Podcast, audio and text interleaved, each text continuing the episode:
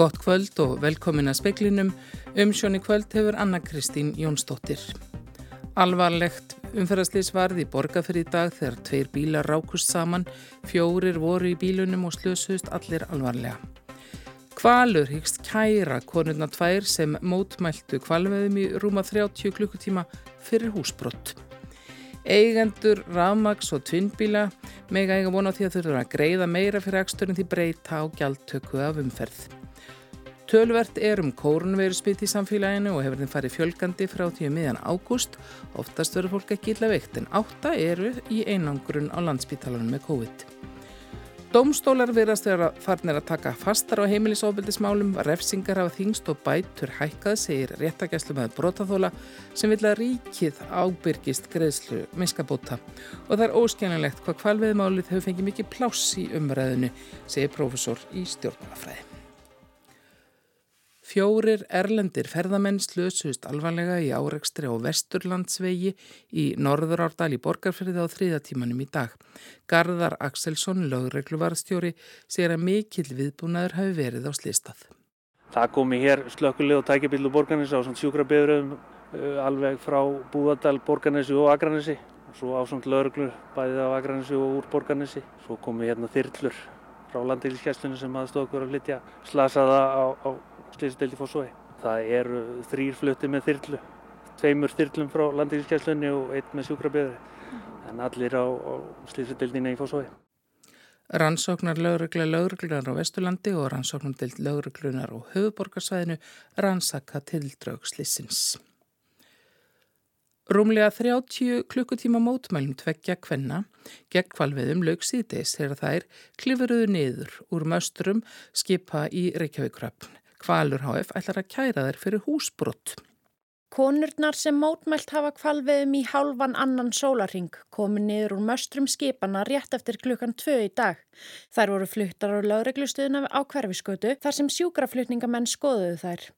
Skýrsla verður tekin af konunum og Áskir Þór Áskisson aðstór lauruglustjóri segir að þær verði frjálsar ferða sinna að því loknu. Þær hafi verið ágætlega á sig komnar. Áskir segir að lauruglu aðgerðin hafi gengið vel. Frá því að þetta var tilkynning er morgun er við búin að fara og ræða við þar mjög reglulega um bara hvernig þeim líður og, og bara, bara bróðskefti við þar að, að enda þetta verkefni með þar komið niður og já, það tók 31 klukkutíma en, en það komu allir heilir frá þessu. Stuðningsfólk hvennana gaggrindi lauruglu fyrir að taka vistir af annari konunni og leifa ekki að þeim var í færður matur og vatn. Ásker líkir verknæðinum við húsbrott þar sem sá sem braustinn hafi komið með vistir með sér. Skilda íbúa sé ekki að tryggja vistir fyrir manneskuna meðan hún stundi ólöglegt aðtafi. Þetta er náttúrulega bara enga eign, þetta skip og hefningalögin í 231. greinin taka á þessu nákvæmlega. Þannig að hérna, þetta var bróðulegt, það er staðan. Saði Ásker Þór Áskersson, Ingi Björg Sara Guðmundsdóttir tók saman. Eigendur rafmaks og tvinnbíla mega vænta þess að þeir þurfa að greiða meira fyrir aksturinn. Breytt gjaldtaka af umferð verður kynnt í fjárlega frumvarfi eftir helgi. Þing kemur saman eftir sumafri á þriðudag. Fyrsta mál og dagskrá er fjárlega frumvarf næsta árs sem verður kynnt í byrjun viku breyta á gjaldtöku af bifriðum. Eh, það fælst í þeim að við eh, erum að fara að auka uh, greiðslu þáttöku þeirra sem eru á umhverjusvænum bílum. Segir Bjarni Benediktsson fjármálaráþra. Ólíugjöld hafa lengst afstæðu undir stórum hluta að tekna ríkisins af bílum en eftir því sem rafbílum fjölgar hefur skattstofnin dreyist saman. Um rúmlega 14 miljardar króna á þryggja ára tímabili sem liti til beitna tekna ríkisins af ökutækjum Bjarni segir að breytingarnar á gjaldtökunni eigi sér því nokkur aðdraðanda. Þannig að við smám saman fikurum okkur í nokkurum skrefum og fyrsta skrefið var kannski tekið um síðustu áramót og næsta núna um þessi áramót uh, fikurum okkur í þá átt að nótkun á vegakerfunu sé gjaldskilt. Saði Bjarni Bendiktsson, Alexander Kristjánsson tók saman. Mentaskólinn og verkmentaskólinn á Akureyri verða saminæðir. Saminningin kynnt á fundi með kennerum og nefndum skólana í dag.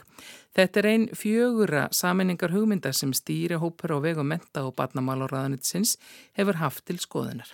En er óvist hvort ráðist verður í aðrar saminningar en í voru voru kynntar hugmyndir um að samina Kvennaskólan í Reykjavík og mentarskólan í Sund, Flensborgarskóla og Tækniskólan og Fjölbröðaskóla Suðunesja og Keili.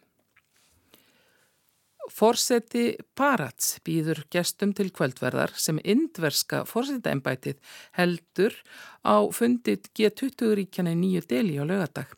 Parat er heiti Índlands á sanskrit. Bóðskortið hefur vakið vangaveltur um hvort indversk stjórnvöld ætla að gera parat að opinberu heiti landsins. Nafnið er formt og sagfræðingar rekja það allt aftur til fyrstu handrita hinduisma. Þjóðurnisflokkurinn að rendra mótís fórseta Indlandsberi mitt nafnið Bharatya Janata Party. Flokksmenn segja að nafnið Indland eða India sé komið frá breskum heimsvalda sinnum og sé táknum þrælahald. Bretar höfðu yfiráð á Indlandi í 200 ár fram til 1947. Flokkur Mótís hefur reyndað eigða nöfnum tengdum nýlendu tímanum. Stjórn hans hefur verið söguð um harða þjóðernis stefnu með áherslu á hinduisma. Deilur um nöfnin India og Bharat hafa færið vaksandi eftir að stjórnarandstöðu flokkar tilkynntu að þeir ætluðu að bjóða fram undir nafni sem ber skamstöfunina India. Síðan þá hafa stjórnarþing mennur flokki mótís krafist þess að parad verði notað í stað Indlands og segjast indverskir fjölmiðlar hafa heimildir fyrir því að stjórnmölda ætla að leggja fram áleiktun þess efnis á sérstökum þingfundi síðar í mánuðinum. Róbert Jóhansson saði frá. Framkantastjóri SBA Norðurleðar segir að rútubílstjóri hafi brúðist kollrangt við þegar hann hlifti loftinu úr dekki á bíl nefnda en nefnendur mentaskólans og akkurýri hafi augljóslega ætlað að loka rútur inni á stæði skólans. Nefendur mentaskólans á Akureyri eru óánægðir með umferð hópbíla og bílaplani við skólan. Planið er líka við aðalingang listigarðsins á Akureyri sem er vinsæl ferðamannastaður. Í síðustu viku lögðu nefendur tveimur bílum begja vegna við rútu hópbílafyrirtækisins SBA Norðurleiðar. Ágreiningur mentskælinga og bílstjóra náði hámarki þegar rútubílstjóri hlifti úr dekkjum á bíl nefnda. Rútunni var lagt þvert í nokkur stæði en bílarnefendana voru í hefðbundnum stæðum. Sengvand nefendum á staðnum komst rútan leiðarsinnar þótt bílarnir væruðar. Gunnar M. Guðmundsson, framkvæmdastjóri SBA Norðurleiðar, segir augljóst að nefendurnir hafi ætlað að loka rútuna inni. Aftur á móti hafi bílstjórin brúðist við með kollröngum hætti. Hótal heipa hann út ekkjum á bíl sem var náttúrulega algjör fyrra og, og rönga ákvölandaka. Hann segist að það fengi fregnir af atvikinu daginn eftir þegar nefendur komu á fundans. Hann hafi beðið þá afsökunar og sagst myndu bæta tjón á bílnum ef eitthvað væri. Hann segist ekki halda að málið hafi sérstakar afleðingar fyrir bílstjóran. Hann fekk náttúrulega tiltal og aðverðunum að aðeins ekki svona. Gunnar segir að þótt þetta sé leiðilegt mál verði það eftir vill til þess að aðstæðan verði bætt. Vert sé að skoða skipulagið á planinu fyrir næstu ferðamannatíð. Gunnhildur Kjærúlf Birgistóttir tók saman og talaði við Gunnar M. Guðmundsson. Verndun úlvastoppsins innan Evrópu verið tekinn til endurskoðunar vegna mótmæla bænda sem hafa hort á eftir búfja sínu í kjáft og klær dýrana. Formaður framkantastjórnar Evrópusambandsins segir að dýrum og mönnum stafi hætta af úlvunum. Málefnið stendur Úrsúlu fondir lægin nærrið því Úlfur drap fólald hennar í september í fyrra. Hann komst inn á velvarin búgarð í norðvestanverðu Þýskalandi. Fonderlægin hvetur stjórnir Evrópusambandsríkja til þess að íhuga aðgerðir til að grísja úlvastofnin innan laga sambandsins. Úlvar eru vernduð dýrategund en evrópskir bændur telja stofnin orðin það stóran að hann þurfi ekki lengur á verndað halda. Þeir vilja reglurnar verði endur skoðaðar í ljósi fjölkunar úlva, sérstaklega við Alpafjöllin og í skólendi í Skandinavíu.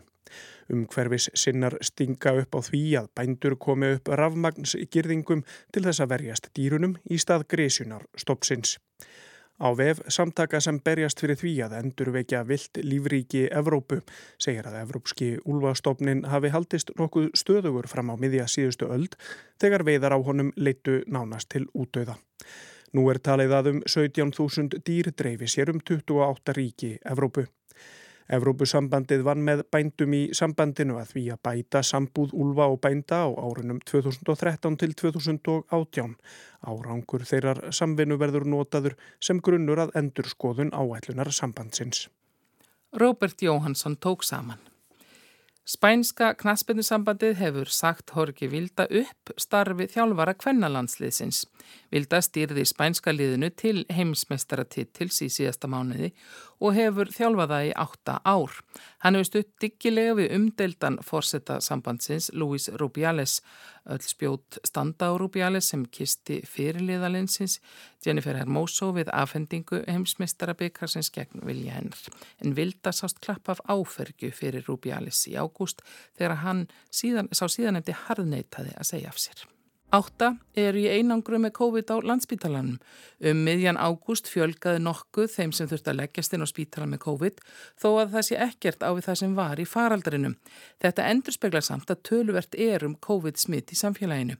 En það er erfitt að henda reyður á hver margir hafa smittast Guðrún Aspelund er sótvarnalegnir. Já, við vitum það ekki nákvæmlega að því að opnbæra uh, sínatökur hafa miklu leiti hægt en uh, það eru tekið sín, síni að sjókurásum og uh, síðan fáum við líka greiningar frá læknum, klíniskar greiningar og, og það hefur verið aukning svona síðasta mánuðin en þá törnum við séu enn uh, törnast lærrið þetta en það voru hérna í, í stórum bylgjum en við vitum ekki nákvæmlega hvað törnar eru. Er líklegt að koma einhver svona bylgja með haustin? Uh, já, við áttum alveg vona því að það kæmi einhver aukning eins og er svona almennt með öndun og færa síkingar. Þannig að hvort þetta er upphafið á því er alveg mögulegt eða þá þetta gæti verið svona afleggingssumars og, og svo gæti komið eitthvað aftur meiri setni í haust vetur. Guður og mæli með því að fólk hafi samband við sin lækni eða með undirlikjandi áhættu þætti og telur það sem er COVID. Þá eru við að meina eldra fólk og, og þeir sem hafa sjúkdóma sem hafa verið skilgöndir sem átættir fyrir alvarlegri veikindum eins og hjartaði sjúkdómar, lungnasjúkdómar, ónamisbæling sérstaklega síkusíki og það eru nokkru aðri sjúkdómar sem eru þar á lista. Er einhver ný afbreyð í gangi? Er það eitthvað sem er verið að fylgjast með? Maður sér annars slæðið þannig heimi berast líka fréttir. Já, það eru fjölmörg afbreyð í gangi og, og það hafa verið að koma frá Omikron. Þetta eru allt Omikron afbreyð en það hefur ekkert svona afgerandi komið neitt nýlega. Það búið að vera í allt sumar í rauninni þetta XBB.1.5 og afbreyð af því sem eru þó nokkur. Eh, síðan hafa verið kannski fréttir um eitt, tvei önnur sem hafa valdið fólki áökjum fræðilega kannski að því um við ekki að straktbreytingum eða þannig en, en það hefur ekkit, ekkit ennþá sem hefur náttúrulega stryk eða, eða hefur aldrei eitthvað meiri veikindum sem við það erum. Óvissust í almannavarna vegna COVID-19 var aflýst í mars og var þá rúmt ár síðan það var fært af hættustígi niður og óvissustígið. Engar sótvarntakmarkanir er í gildi og hafa ekki verið undanfærin misseri. Sumi hverjir svolítið óvissur um hvernig þeir eigi að bera sig að nú? Við viljum hvetja þá eh, sem er í eldri og er í áhættahópum að þykja bólusetningu núni í haust, í oktober sem það mun byrja aðrir, eða þá einni, þetta fólk í þessum hópum ættir með að tala við sem lækni. Það eru til lið fyrir áhættihópa sem geta hjálpa til að, minga veikindi og, styrta þau og hindra innlægnis. Þetta eru svona lið sem eru fyrir ákveðna hópa og ekki allir sem ættu að fá eða geta fengið þau og það þarf því að vera að ráði læknis. Þannig að við hvetjum fólk til að nota heimapróf og, og eða verið í sambandi við helbrið starfsfólk og þá hugsanlega með það frögum að fá þessi liði fyrir þá sem það á við. Aðrir ættu þetta að fara varlega eða þeir eru með enginni hugsanlega prófa sér líka til þess að vita það og, og svona fara varlega uh, í umgengni við, við annað fólk og, og sérstaklega þá sem eru meira áttu. Á fólk eitthvað að hegða sér öðruvísi eða heldur það sem er COVID-heldurinn eða heldur það sem er flensu? Sko flensan er ekki komin en þá, það er ekki byrjar influensu faraldur en við hefum alveg vona honum eins og hverju ári í rauninni. Þá hafi svona verið smá veiting á því þarna í COVID-tímanum og influensan getur vissulega valdið alvarlega veikindum þannig að við hvetjum bara alla sem eru með slika enginn til að fara varlega. COVID hefur verið meira smítandi og líka valdið meiri skada. Þannig að bæði alvarleg veikind og andlat voru meiri af COVID en, en staðan hefur breyst. Það er mjög margir fengi COVID, það eru flestir bólusettir. Þannig að veikindin eru vissulega væg hjá flestum. En það eru ákveðna hópar eh, eins og ég var að nefna áðan sem að geta vext þráttur hafa verið bólusettir eða þá hefur það liðið svolítið frá bólusetningu. Þá eftir að gefa út dagsetningar um bólusetningar haustsin sem bjóða á þeim sem eru í áhættuhópunum, COVID-bólusetningu með bólefni frá Pfizer samhliða flensubólusetningum eins og áður var nefnt en það skýrist fljótlega hvernig.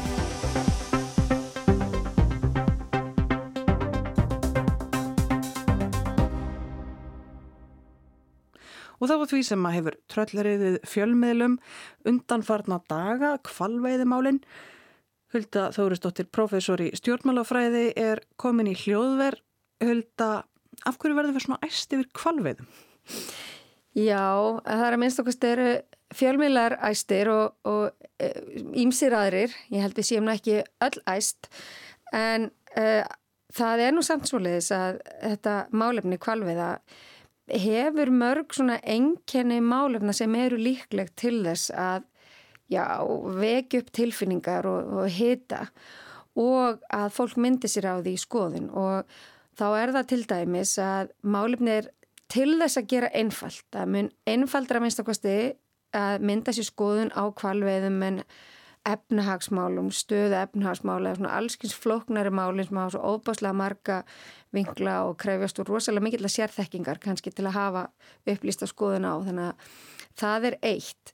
Eh, en annað sem er líka nöðsilegt innihaldsefni er að þetta er vekur upp tilfinningar og það er þá annars vegar sem hefur loða við þetta mál í áratýji á Íslandi er það að þetta tengist á einhvern hátt sko yfir áður rétti okkar sjálfra yfir okkar veiði hafin í kringum landið, kannski ég veit það ekki allt frá landhelgismálum að ég veit ekki hvenar þetta svona nákvæmlega þróast yfir í það. Þannig að það er þessi hugmyndum að við ráðum okkur sjálf og það séu óþúlandi að einhverjir útlendingar og jafnvel í talanum um einhverjar Hollywood stjórnur eða eitthvað slíkt sé að segja okkur fyrir verkum. Og þetta sé svona þetta vegi að okkar yfiráðum þannig að það er þá önnur svona tilfinningir og við vitum að þetta er náttúrulega eitthvað sem að ristir mjög djúft í íslenskri þjóðarsál. Hugmyndin um að við erum viðkvæm e, lítil þjóð og við þurfum bara stanslust að hafa augun hjá okkur gagvart okkar eigin e, sjálfstæðu yfiráðum mjög mjög sterk hugmynd í, í íslenskum stjórnmálum og þjóðarsál.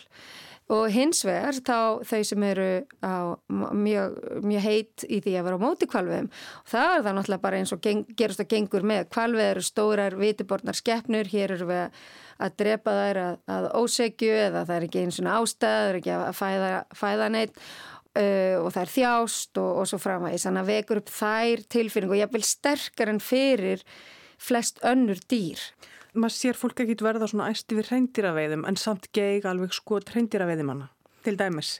Já, akkurat og það er þá kannski út af þessari sérstöð sem að, sem að kvalir hafa og þetta sjálfsögðu tengt í að, að kvalir er í útrýmingahættu mjög mm. víða á margar tegundir.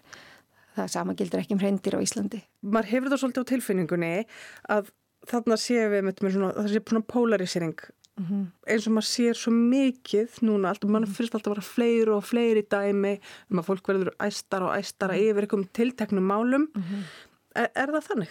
Já, þetta mál verðist sko hjá ákveðnum hópum algjörlega orðið eitthvað svona yfirfært mál að það er einnig farið að snúast um miklu meira heldur en bara kvelver. Það er að fara að snúast um e, einhverja e, sjálfsmynd hvað þú stendur í stjórnmálum og þannig að það er ekki bara það er ekki bara lengur að snúast um akkurat kvalvæðir, heldur bara hver á að segja hverjum fyrir verkum, uh, hver ræður þannig að það er, það eimir mjög að því hjá, hjá þeim sem heitust eru, eru í málinu. Mm. Myndur þú veðja á það að það er sama fólki sem verður á móti kvalvæðum og fylgjandi borgarlínu? Á móti kvalvæðum, já, sko, já, bara í ljósið þess að við vitum frá skoðanakonunum eh, hvernig þetta leggst eftir flokkslínum. Og við, það er mjög greinilegu munur eftir flokkslínum að það, er, eh, það eru kjósundur sjálfstæðisflokks, miðflokks og framsunaflokks sem eru helst hlindkvalviðum eh, þannig að það eru líka kannski þeir kjósundi þeirra flokka sem eru ólíklegast til að vera fylgjandi borgarlínu, vitum við, já. Þannig að þetta er algjörlega þetta e, já, þetta er í algjör flútti með alls konar öðrum skoðunum þannig að eins og segi, þetta er farið að snúast um miklu meira. Er hægt að polarisera hvaða mál sem er? Nei, ég held ekki, ekki með sama hætti og það er út af þessi sem ég nefndi hérna upphafi að þetta er annars vegar tilturlega einfalt mál, það er hægt að mynda sér skoðun og í öðru lagi tilfinningaþrungið. Ég held að sé ekki að gera það við öll mál og það ásér frekar langa sögu inn í, inn í íslenskri pólitík þó hún sé kannski ekki eins laung og við stundum heldum. þetta er einmitt kannski bara miklu leiti tilfinningalagt. Já, sko það var svolítið áhugaverð rannsókn sem að meistara nemi minn gerði árið 2010, Marja Björk. Það sem að hún var, svona hann að reyna að skilja hvaðan við þóru Íslandinga til kvalveða, hvaðan þau kem og hversu sterk þau væru og, og hvaða væri sem læti grundvalla því að fólk væri annarkvort fylgjandi eða andvíkt. Og hún tók uh, svo kallar rínuhópa, uh, svona hópviðtöl við háskólanema og það sem var svo sláandi úr hennar rannsókn á þessum tíma 2010 var að sko hvað var í rauninni eins og við tölum í sálfræðinni að viðhörnum voru grunn þetta voru svona viðhör sem fólk var búið að mynda sér og, og á þeim tíma voru flestir háskólanema sem hún fekk í sín viðtöl fylgjandi, það bara atvikaðist þannig og líklega endur speiklaði skoðanir þá. Og sko að þegar hún var að spyrja hvers vegna og hvað þá var bara svona já að því bara þetta er bara svona og, og svona tínt til svona þessi hugmyndum um kvalinn sem, sem stórkvili sem að, eh, sem að drefur, drefur alla fiskana og, og, og útlendingarnir að segja okkur fyrir verkum en hún tók einmitt oft eftir því að þegar fólk var að hugsa meira um máli bara jafnvel í þessu tekjatíma þessu hóp viðtæli og hóp samræðum að þá var fólk kannski búið að breyta um skoðum og hérna, hérna hún spáði því að mitt í þessari rítgerða líklega ef að málefni kæmis mjög mikið á daskra á íslensku samfélagi að þá þyrtti til að líti til þess að breyta viðþorunum sem við erum alltaf að sjá núna, við erum að sjá mjög hraðan um viðsnúning mm. á afstöðu til kvalviða uh, við skoðum svona, já, á, á mælikvara viðhorfa að þetta er að breytast mjög stöðut og tiltöla hratt að nú er afgerandi meira hluti á móti kvalviðum og það var náttúrulega alls ekki tilviki árið 2010 þvert á móti. Hafa fjölmjölar gefið þessu máli of mikið plás?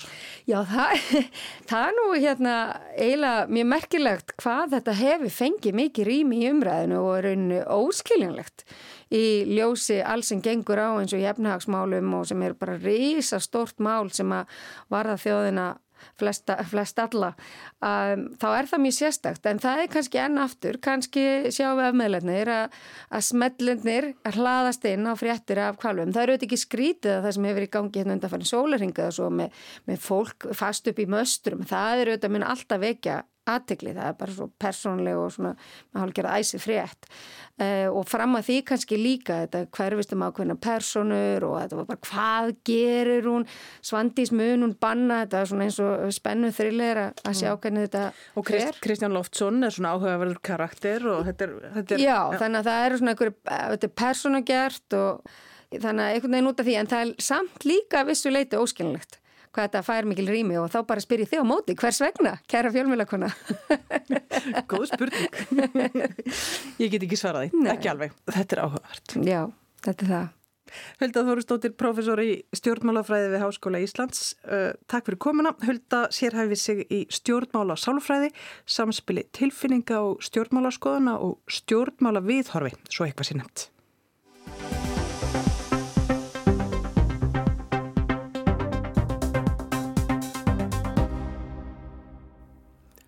Átta ára dómur sem fjalli hérastómi Reykjanes í gær er þingsti dómur fyrir ofbeldi í nánu sambandi frá árinu 2010. Réttargæslumadur segir að svo virðir sem dómstólar séu farnir að taka fastar á slíkum málum. Það síni bæði þingdrefsinga og fjárhæð bóta. Karlmaður var í gær dæmdur í átta ára fangelsi fyrir stórfæld brot gegn eiginkonu sinni á fjögura ára tímabili. Þá voru honum gert að greiða henni 7 miljónir króna í miskabætur sem eru hæstu bætur sem dæmdar hafa verið í sambærilegum málum. Maðurinn síndi enga yðrun og hjælti jafnvel fram að hann væri þólandi. Dómur hérastóms Reykjanes hefur ekki ennverið byrtur á VF domstóla en miðað við ákæru og gæslu varðhalsúrskurðu yfirmanninum beitti hann konuna mjög alvarlegu, líkamlegu, andlegu og kynferðislegu ofbeldi um margra ára skeið. Sangvænt heimildum fréttastofu var ákjart fyrir 13 mjög gróf ofbeldisbrott, sum þeirra voru lífshættuleg. Þannig þurfti konan að gangast undir bráða aðgerð vegna lífshættulegra innvortis áverka sem læknar vitniðu um að hefðu einungis getað komið til við kynferðisofbeldi og alvarlega líkamsárás. Haldóra Aðarstins þóttirlagmaður var réttargeslumadur konunnar. Maður sér núna viðhalsbreytu góðu domstólum. Það er bara að taka þessi mál meira alvarlega og kannski komið tími til og sínir kannski bara að þetta er náttúrulega með erfiðari málum þar sem eru nákomni sem eigin hlut oftast sem er náttúrulega fylgið meiri sálsveiki og erfiðleikar. Heldur að við munum vera að sjá kannski meiri þróun í þessa átt að þessi mál verði tekin kannski fastari tökum? Ég myndi halda það og mér hefur fundist það svona af málum sem maður hefur verið í undafarið að dóma sé að þingjast og miskabætu sem betur þeirra hækka þess líka Þetta er í annað sinn sem svo þungur dómur fellur vegna ofbeldis í nánu sambandi. Árið 2010 staðfesti hæstiréttur 8 ára fangilsistómi yfir manni sem beitti sambíliskonu sína hróttalegu ofbeldi um nokkura áraskeið og neytti hana meðal annars til samræðis við 11 aðra karlmenn. Þá var maðurinn dæmdur til að greiða koninni þrjár miljónir í miskabætur. Þetta er gífulega afleðingar sem þetta hefur og sko fyrir þann líkamlegu áhrifin sem eru ofta þá er þessa andlegu áhrif sem þetta hefur á brótafóla sem getur tekið alla æfina við núr að þó að, að peningar bæti ekkert að, að þá er samt gott að sjá að domstóla sér færnar að, að taka þetta alvarlega og hækka þenn spiskabætur sem hafa kannski verið skammalega lágar hér á landi hinga til. En svo náttúrulega kannski ekki allt sem að kannski skila sér samt til brótafóla? Nei, nú tekur bótasögur bara ábyrð á hluta á bótum og þá er það þrjár miljónir sem að bótasögur tekur ábyrð á. Þannig að það er náttúrulega, þá þurfti þá brotafóla að fara að sækja á geranda í málunum. Það er náttúrulega þetta er náttúrulega hluti sem að þurfti að fara að endurskoða og, og endurskoða þessa upphætt sem að ríki tekur ábyrð á. Farið var fram á tíu ára fangelsi í hérastómi í gær. Haldóra segir ekkert víst að domnum verði áfríðað. Þú tekur alltaf viss áhættu þegar áfríðar. Það getur fara í báðar áttir. En nú hefur til dæmis landsréttur uh, jafnvel verið að þingja uh, dóma í svona málum? Já, það er mjög stutt síðan að fjall dómu sem var þingdu verulega í svipuðu máli. Þetta sé til mark sem að ákveðin viðhorfsbreyting hafi orðið hjá dómstólum. Dómurinn í gær geti haft fordæmiskildi. Ég tel að þetta hafi náttúrulega mikla þýðingu. Sagði Haldóra Aðalsteinsdóttir, lögmaður og réttagæslumadur. Alma Ómarsdóttir tók saman og talaði við hana.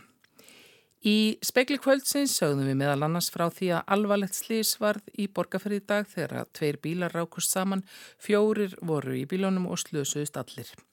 Kvalur ætlar að kæra konuðan tvær sem mótmæltu kvalviðveðum í rúma 30 klukkutíma fyrir húsbrott. Eigendur Ramags og Tvinnbíla mega Vænta þess að þetta er að greiða meira fyrir aksturinn því breyt á gjaldtöku af umferð. Fjármálar á þeirra segir þróuna í þá átt að greitt verði fyrir nótkunn vegakerfisins. Og í sjónvarsfréttum klukkan sjö verður sagt fara því að nokkuð hefur borið á því að fólk sem leir út íbúðir sínar á Airbnb hafi óskað eftir aðstóð lögreglu vegna grunnsum vændistarfsemi. Lögregla segir að vændi sé oft stundað í slíkulegu húsnæði eftir spurning sé mikil og fólk sem leir út íbúðir sínar verði að vera á varðbergi. Veðurhorfur á landinu til miðnettis annað kvöld, það verður sunnan og suðvestan átt 5-15 metrar á sekundu, kvassast um landið norðvestanvert. Skíjað vestan til og dáli til væta en bjartviðri á austurhelmingi landsins. Dregur smán saman úr vindi á morgun, Væta með köplum en þurft að kalla á norður og austurlandi fram eftir degi, samfelt rigning sunnan og vestanlands annað kvöld, hit á bylnu 10 til 20 stigadeginum og hlýjast um landið norð-austanvert. Fleir er ekki í speiklunum í kvöld, tæknimaður var Kormákur Marðarsson, Margret Júlia Ingimarsdóttir stjórnaði frétta útsendingu, veriði sæl.